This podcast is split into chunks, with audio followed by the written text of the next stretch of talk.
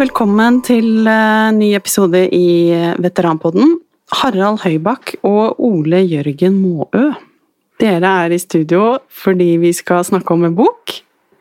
Eh, en bok som dere har skrevet i forbindelse med Luftforsvarets 75-årsjubileum. Um, om 75 ulike gjenstander. Før vi begynner boka, med boka, så har jeg lyst til å høre litt hvem du er, Ole Jørgen. Ja, hei. Jeg heter Ole Jørgen, og jeg er, jobber på Luftkrigsskolen i Trondheim. Jeg er tidligere offiser i Luftforsvaret, og har de siste 21 årene jobba på Luftkrigsskolen som lærer og forsker. Nå er jeg blitt sivil de siste ti årene. Så jeg er førsteamanuensis, er min pene tittel. Ja. Ja. I historie. Ja. ja. Da går jo det sikkert kjempefint sammen med deg, Harald? Ja, det håper jeg. Ja. For du er? Jeg er til vanlig nestkommanderende ved Forsvarets museer, og er fremdeles offiser i Luftforsvaret. Eh, for tiden så er jeg gjesteforsker ved Forsvarsakademiet i København. Ja. Eh, og så har jeg skjønt at dere har kjent hverandre siden eh, jeg skulle til å si tidenes morgen, men siden dere gikk inn i Forsvaret. Er det riktig? Ja, så å si. Vi har kjent hverandre helt siden ja, i hvert fall møttes eh, første gang i 1990, tror jeg måtte ha vært da, i Trondheim. I forbindelse med at vi begynte på krigsskolens første avdeling, eller laveste avdeling, som det het den gangen. da. Ja. Men det, jeg tror første, gang vi har samarbeida om noe som helst. Ja, I denne målestokk er det nok det, men vi har nok samarbeida før ja, også, må, må, vi tro. Ja, det får vi håpe, i hvert fall. Siden vi har vært elever på krigsskolen sammen, da, så må vi jo håpe det. Men det er mye, mye, luft og, mye luft og krig som er interessen her, da. Og denne boka som dere har skrevet. Um, hvorfor, eller hva er det som trigga å skrive den? Ja, jeg tror faktisk det var så enkelt som at vi hadde ikke hørt om at det skulle skje noe i forbindelse med Luftforsvarets 75-årsjubileum på bokfronten. Da. Og så hadde vi et samarbeidsprosjekt mellom Luftkrigsskolen og Forsvarets museer eh, om ei lita utstilling oppe i Trondheim for å åpne liksom 75-årsjubileet. Og så begynte den å dreie seg om gjenstander, og så fikk vi ideen til denne eh, boka og skrive på en måte Luftforsvarets historie gjennom de 75 gjenstandene. Ja. Og ifølge det som står om boka, så er det en, eh, en liten konfekteske. Blanding av små og store happeninger, tragedie og triumfer. Ja, vi prøver i utvalget av gjenstander å ta ut gjenstander som forteller både om de store triumfene, som du er inne på, eh, men også det som er mindre hyggelig. Alt av, inne på temaer som mange ulykker det var i sin tid i Luftforsvaret. Spesielt på 50-tallet var det jo veldig farlig å operere jagerfly. Vi er innom internasjonal tjeneste, selvfølgelig. Vi berører mange av de offisielle sidene, men vi prøver også å se på litt eh, de mer uformelle sidene, og hvordan livet i Luftforsvaret har vært også etter klokka halv fire. Ja. Eh, nå har jeg gått gjennom innholdsfortegnelsen. Da. Det er som sagt 75 gjenstander. Eh, og dette skal jo handle litt om eh, Intops. Eh, er det noen godbiter her dere har lyst til at vi skal starte med? Altså, før vi starter med godbitene, så kan man si at det internasjonale elementet har vært veldig nærværende for Luftforsvaret i hele historien. Altså, Vi er født i utlandet. altså Vi har, har vår fødselsdag 10.11.1944. Altså ute i London ble vi til. Vi ble bygd opp gjennom eh, stor og betydelig våpenhjelp, som altså har et betydelig internasjonalt element. Og så har vi vært en del av internasjonal tjeneste hele tiden, men mye av det har vært liksom et stykke unna overskriften, i den forstand at vi har brakt styrkene ut. ikke sant? Transportbiten, eh, helikopter, eh, evakuering, alt det her som ikke nødvendigvis får de store overskriftene i historien om Intops, men Luftforsvaret har liksom vært der hele tiden. Mm. Da kanskje vi skal ta den ene gjenstanden her. 49. Gjenstand 49. Skares loggbok. Ja. Skares loggbok refererer da til Siri Skare. Som eh, Vi kan kanskje begynne med den Intops-tilknytninga, for hun eh, er jo da en av ti eh, nordmenn som har falt, i Afghanistan. Mm. Også den eneste kvinnen. Det gjorde hun i 2011 i forbindelse med opptøyer i Mazar Sharif eh, knytta til eh, Som kom etter denne koranbrenninga av eh, denne amerikanske pastoren. Så var det en mobb som angrep FN-hovedkvarteret der Siri Skare var. Men hun knytter seg også til Luftforsvarets historie i mange sammenhenger, men kanskje først og fremst som den første kvinnelige norske militærpiloten. Hun, som ung jente så drømte om å fly, å bli flyger, men den gangen så fikk hun fikk liksom beskjed om at hvis du skulle opp i lufta, så fikk du bli flyvertinne. Og det fant hun seg ikke i, rett og slett. Så hun eh, søkte på flyskolen, Forsvarets flyskole, Luftforsvarets flygeskole flere ganger, og kom ikke inn, for, rett og slett for at hun var jente. Dro til USA og utdannet seg til militærpilot. Men så falt på en måte stengslene i hennes perioder, så i 1982 ble hun tatt opp på Luftforsvarets flygeskole og utdannet seg til pilot, og fløy deretter eh, P3B Orion, maritimt overvåkningsfly i nordområdene, og senere også eh, C-130 Hercules. Eh, og har også flere, eh, flere, mer tjenester i utlandet. da. Og så var hun da på FN, i FN-tjeneste i Afghanistan i 2011. Mm. I forbindelse med det angrepet. Da. Så den teksten handler om hennes loggbok, men den handler Loggboken er bare gjenstand, altså den teksten handler jo Det er på en måte en hederstekst om Asiri Skare. Ja. Så flott. Um, flagget Nei, vi kan gå tilbake til Blue Factory. Det er mange som har uh, et litt eierskap til Blue Factory. Gjenstand 55. Ja. Hva er det slags gjenstand? Gjenstand 55 er vel en uh, dekorasjon. Uh, vi, det Poenget vi prøver å lage der, er uh, igjen at uh, når historien fortelles Nei, Blue Factory er Blue Factory, ja, nettopp. Uh, det, hvor poenget er, det vi prøver å si, er igjen at, at militærmakt er noe mye mer enn det som regel får hovedoverskriftene. Altså Blue Factory var i utgangspunktet sanitetselement som avgitt. Vår interesse for det er jo knytta til helikoptrene, som også mm. var knytta til evakuering, forflytning. Ikke det du normalt oppfatter som den skarpe og spisse enden av Forsvaret, med alt dramatikken som har kommet rundt det. Spesielt i skyggen av Afghanistan, hvor vi var veldig fokusert på kamper og spesialstyrker og sånt. Men det som foregikk rundt Blue Factory var dramatisk nok, og det var gjerne folk som ikke var trent og forberedt på skarpe operasjoner. Sjåfører på bakken transporthelikopter som plutselig befant seg i ytterst livsfarlige situasjoner, og hvor det norske bidraget gjorde en del oppdrag som ingen andre ville gjøre, men som var avgjørende viktig for de menneskene som ble støtta gjennom den operasjonen. Så Det er det som er spennende for oss, at, at det viser at det er de som tilsynelatende er i de bakre områdene, de som tilsynelatende er i disse støttefunksjonene, har vært gjennom veldig tøffe operasjoner og har kanskje vært enda mindre forberedt på de enn de skarpe avdelingene vi har eh, sendt ut. Så er det en slags heder til gutta som fløy på Blue Factory? Både de som fløy, men de som er generelt de, de, de som det synges lite om. Altså mm. støtte de bakere, de liksom som fasiliterer dette. og Det er jo der Norge på en måte kryssa en terskel når det gjaldt viljen, også fra politisk side, å ta stor risiko. Det skjer jo der, og det er altså de bakere, altså støtte, transport det er de som tar den. Vi tenker etter at det skjer i Afghanistan, det skjer med Telemark bataljon, det skjer med spesialstyrkene, men det skjer ikke der. Det skjer på Balkan. Altså, vi må også huske at Midtøsten er det mye tøffe tak, men det er på en måte noe som rammer de ulike kontingentene litt forskjellig, men på Balkan så kommer man i en situasjon med et mye høyere press kontinuerlig. Antall falne og drepte på Balkan er jo vanvittige tall sett i ettertid. Der er altså nordmenn midt oppi det. Litt tilfeldig at vi er der.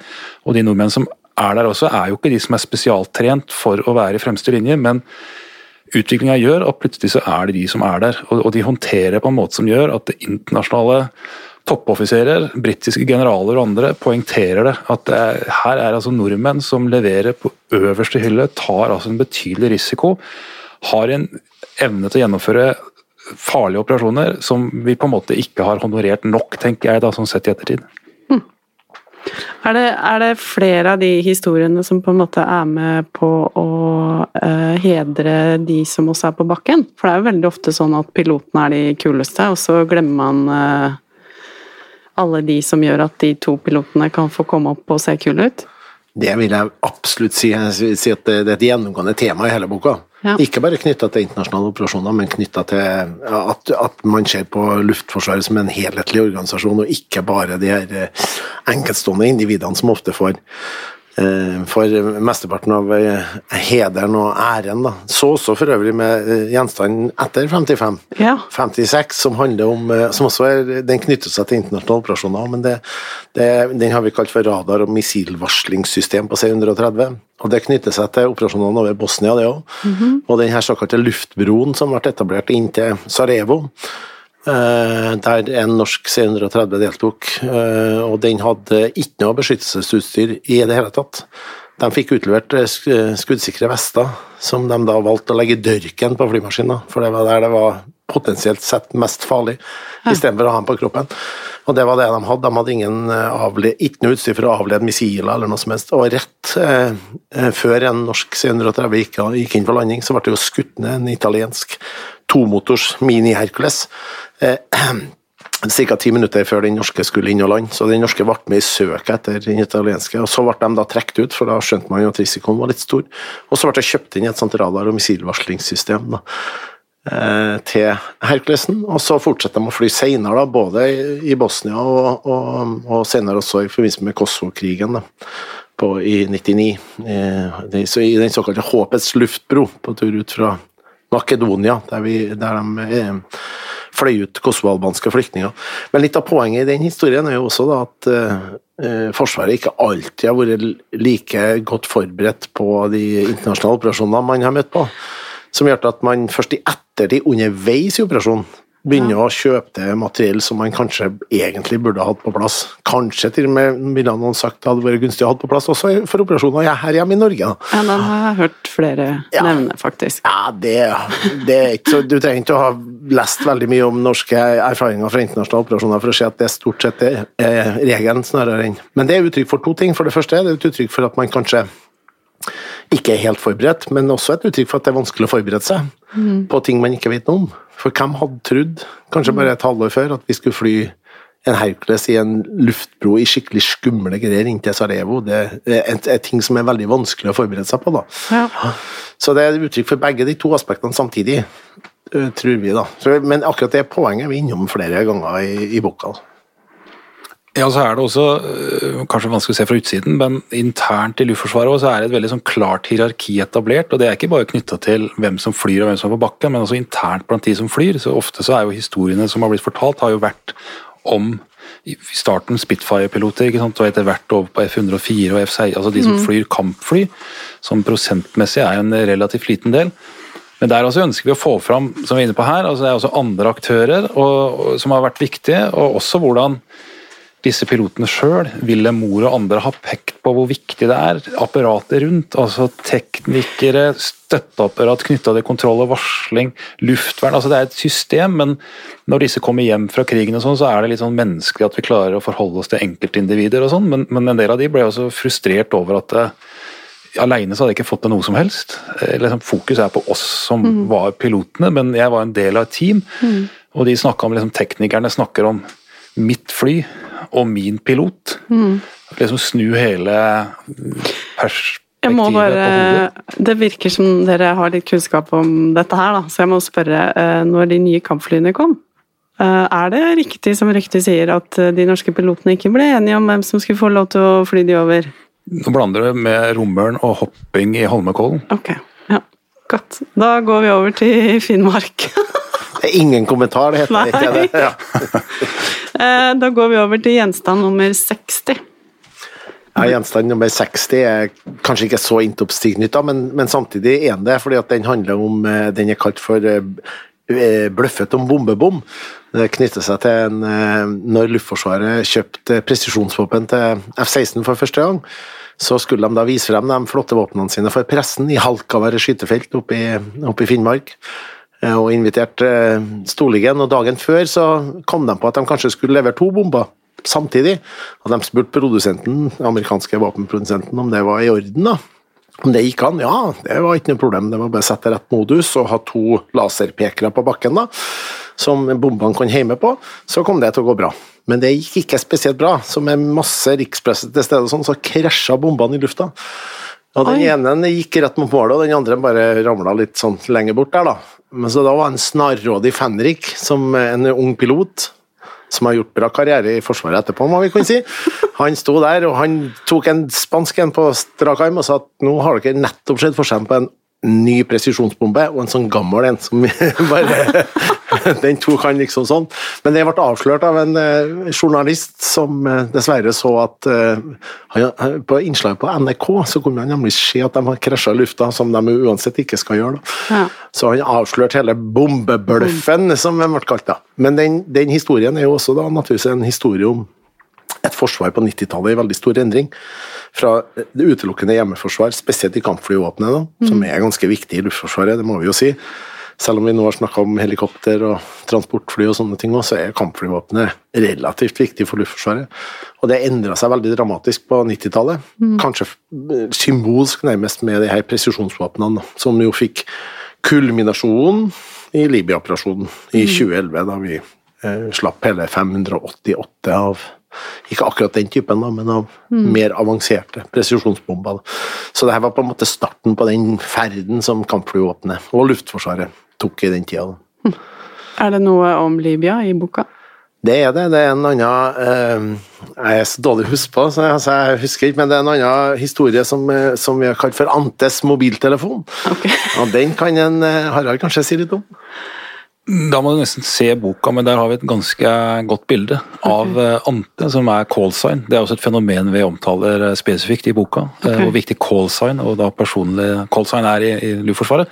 Men han står med en mobiltelefon i hånda sammen med en del andre piloter og ser litt sånn usikker ut. Og det er da bildet av den første elementet av F-16-fly vi sendte sørover i mars 2011 hvor ordren gikk om at vi skulle sørover for å delta i operasjonen mot Libya, men vi visste ikke hvor. Vi visste ikke hvilke baser vi skulle operere fra, vi visste jo ikke hvilke land vi skulle operere fra heller. Mm. Så det Hans ringer da hjem og spør liksom, er det noe, er det noe nytt, hvor er vi skal hen? Og det, også de fjesene vi ser bilde av der, de ser også litt sånn spørrende på fotografen. Ja. Skal det bombes noe sted? Er, det, altså, er vi på sporet av noe her? Okay. Og også når de lander og, og sånn, så er ting uklart. altså De har ikke med de riktige kart partner liksom, for å lande på den flyplassen. De får eh, refueling, litt sånn tilfeldig, tror jeg. Altså, me mekanismene går sånn. Så øh, Det har vært mye kritikk av Norges deltakelse i Libya i 2011. Skrevet bøker, det er liksom TV-serier, mye som har liksom kritisert det. Men det perspektivet vi tar, det er altså hvor fort dette går. Det går altså ikke mer enn én uke fra Norge fatter en beslutning om å delta, til Norge slipper skarpe bomber over et land i Afrika. Mm. Og Så peker vi litt på de individene som er involvert her. Det er relativt unge offiserer som står oppe i en veldig kompleks situasjon, som ikke går noe særlig på det flytekniske, men som går på det etiske, det politiske, det menneskelige. Er folka mine klar for dette? Er politikerne hjemme i Norge? Vet de hva de har sagt ja til? Hva vil skje hvis vi starter dette med en katastrofal feilbombing, eller om et av våre egne fly forsvinner over Middelhavet? Er, er vi liksom, og Det syns vi er veldig spennende. Det går veldig rask. Igjen dette med fleksibiliteten. Og det var heller ingen beredskap i Norge hvor, vi, hvor folk sto klare for sånne operasjoner. Det skjer nærmest over natten, og som noen har pekt på, i Nord-Norge så var det både helg og vinterferie. Mm. Så kan man si at Til tross for det så klarte man altså stille styrker å komme seg av sted. Noen har snudd på det og sagt at grunn av det mm. så kom man seg av sted for en del av disse som er gode på reglementer og som de var og gikk på ski. Mm. Det er ikke hele historien. Noen vil si at eh, reglementene og prosedyrene var også i stand til å håndtere så raske skiller. Mm. Siste jeg skal si om det, er 2011 har vi denne katastrofale terroraksjonen i mm. Oslo. Mm. Bottom line av undersøkelseskommisjonen der er jo at det er historien om ressursene som ikke fant hverandre. Mm. Historien om Luftforsvaret og Forsvaret i Libya er det motsatte. Mm. Vi klarer å sende oss sted et veldig relativt sett tungt bidrag, som bidrar veldig aktivt. Nærmest fra null niks og ingenting. Tar noen dager, så er vi oppe og leverer. Og Det er den historien vi peker på, ikke på det omstridte politiske kappa rundt, for det, det, angår på en måte ikke pilotene og teknikerne. De får et oppdrag som de prøver å gjøre det best ut av, noe de lykkes med. Mm. Bra. Um, flagget fra Kaia og Kabul. Ja, flagget fra Kaia og Kabul er, er gjenstand nummer 63 i boka. Ja. Det er det flagget som hang på kaia når uh, Forsvaret, og nærmere sagt Luftforsvaret, drev kaia flystasjon. da, Kaia, altså Kabul International Airport. Der det var også en militær del, ganske stor del, og, og Luftforsvaret hadde i 2007 ansvaret for både staben der, sjefen der, han het Nils Frøysland for øvrig, Eh, og de drifta hele flyplassen, så eh, hele flystasjonen den militære delen. Så det, den, eh, det, flagget er det flagget som hang i den flaggborgen, som en norsk offiser fikk med seg hjem. da. Så det symboliserer jo flere ting. For det første langvarig engasjement i Afghanistan, men det symboliserer også det poenget at luftmakt er fullstendig baseavhengig. Her, du kommer ingen vei uten en ordentlig stor og god flybase, som både må driftes, beskyttes, Eh, store logistiske element, det skal fuel til, det skal ikke så mye brøyting i Afghanistan, men på norske flybasser er sånne type ting. Kosting er kanskje ganske viktig i Afghanistan, osv. Det er en ganske kompleks organisasjon som skal på plass. Meteorologi også. Eh, I tillegg så hang eh, flagget Symboliserer også flagget tap, da. For det, det flagget hang også i den flaggborgen når Kristoffer Sørli Jørgensen, som er en av de ti nordmennene som falt i Afghanistan, når han eh, ble frakta hjem fra kaia. da. Mm. Så er det samme flagget. Så det flagget har vi tatt vare på. Det befinner seg på Luftkrigsskolen. Eh, og vi fant ut at det var en fin måte å markere både Intops, Afghanistan, som er flere bidrag i boka, men også da den her at luftmakten er baseavhengig, og at det er en ganske stor del av Luftforsvarets virksomhet mm. er å drifte baser. Mm. Det er jo eh, 75 gjenstander i boka. Sikkert ikke noe som helst å gjøre med at det er 75-årsjubileum. Helt tilfeldig. Helt tilfeldig. eh, jeg tror jo at eh, boka er både morsom eh, og finurlig. Um, og så har vi tenkt å gi bort en eh, bok til en av de som hører på podkasten. Um, det gleder vi oss til. Eh, og dere, det er det gleder dere til å feire 75-årsjubileum. Og hvor starter festen? Skal du ha nachspiel, Harald? Nachspiel det planlegger vi jo ikke på forhånd, men altså det, være, det er jo et stort arrangement som eh, går av stabelen eh, helgen rundt 10.11, som er selve fødselsdagen. Mm. Eh, det er langt større arrangement enn det vi forfatterne holdt på å si står for. Eh, og vår, vår del i det arrangementet, det, det er vel uh, uklart i det, i det dette, dette spilles inn. Men, men, det, men det, er stor, stor feiring, og så det ser vi jo fram til. Vi begge jo, skal jo være med og, og delta i feiringen, absolutt. Og vi begynner å bli så gamle begge to at vi har jo, vi har jo vært en del av dette snart i halve Luftforsvarets levetid. Så, Ikke, det, det er en hemmelighet. Så dette er jo en stor dag for oss også, selvfølgelig. Det, men, det er, men det for oss, det viktigste for oss er jo at dette var en anledning til å litt til ettertanke, men også å belyse Luftforsvaret i hele sin bredde. Og ved at vi gjør det gjennom 75 år pluss, for vi starter jo litt før. Vi starter allerede i 1919 med innføringa av flyvingen, som er et viktig element i Luftforsvarets eh, håper å si, Ikke bare på uniformen, men også i selvforståelsen av denne forsvarsgrenen. Vi starter allerede der eh, og drar oss gjennom helt fram til nå 2019. og Det vi også gjør, er å kaste litt lys over det norske samfunnet. Hvordan det har endra seg, spesielt etter andre verdenskrig, med hvilke verdier man hadde på 50-tallet. Eh, Knytta til eh, kjønnsaspekt, vilje til å ta risiko. Når vi ser på f.eks. atomstrategien og hvordan man har tenkt til å operere så er det et helt annet tenkesett da, enn, det er nå. og, Det syns vi også har vært spennende, å bruke Luftforsvaret som en, eh, si, som en, eh, plattform gjennom historien for å kaste lys over mer enn bare organisasjonen. Hm. Spennende. Er det mange gjenstander eller ting dere ikke fikk med i boka? Dere hadde, har dere krangla om den vil jeg ha med det, og så fikk du ikke med den, liksom? Det, vi, vi, har, vi, har, diskutert en god del, da. Men, ja. og lista ganske mye, bra mye lenger. Eh, men vi ramla sånn sakte, men sikkert ned på de her 75. Eh, og det er ingen som vi har skrevet ut i sin fulle bredde som ikke er med her, da. Nei. Men vi syns jo de tekstene eh, de forteller ganske mye om forsvarsgrenen Luftforsvaret. Ikke bare om Luftforsvarets historie, men også om forsvarsgrenen. Både hvor den kommer fra, de folkene som er her. Det er litt hverdagshistorier, gjerne etter halv fire en del av dem òg. Og så er den litt fleipete òg. Mm -hmm. og så er den, er både søt og litt syrlig. Her og der kommer det et lite stikk. Ikke til enkeltpersoner eller noe sånt, men kanskje til systemet. Ja. Som f.eks. vi var innom hvor godt forberedt har man vært når man har vært i internasjonale operasjoner, f.eks. Og så videre. Så den er både søt og syrlig på en gang. Oi, oi, oi. Ja, ja. Og litt alvorlig. Og litt alvorlig, ja. Ja, den er, det må være til ettertanke Ja. også. Jeg, jeg kan dra den eneste ordentlige vitsen som står inni her, Ja. hvis du er interessert. Den, den dreier seg om og Det er bare det er, det er en liten fotnote. Den dreier seg om kaia, da, siden vi var inne på kaia i sted. Ja. Og eh, jeg var undervist eh, for mange år siden på et forkurs til stabsskolen, og på det forkurset så skulle jeg dra, dra liksom vittige poeng om eh, hvor vanskelig det var å forberede seg på på framtiden. Og på det tidspunktet var kystjegerne i Meymaneh. Okay. Så da sa jeg liksom Hva, hva gjør kystjegerne i Meymaneh? De er jo mange hundre mil unna nærmeste kystlinje. Hva, hva gjør de der? Sant, ja? På en sånn litt sånn fleipete trøndersk vis, da. Hvorpå Halvor Bjørnbeth, som for øvrig tror jeg jobber i Forsvarsdepartementet ennå, var major, rakk opp hånda og sa de kom vel inn over kaia. sa han. Ok. Ja, så Ja. ja, det er, så har vel litt en sånn stående vits om det er Halvor Bjør- vits eller ikke, det er jeg litt usikker på, men vi later Ja. i hvert fall som han var den første. Veldig bra. Ja, ja. Du, eh, vi gleder oss til å lese boka.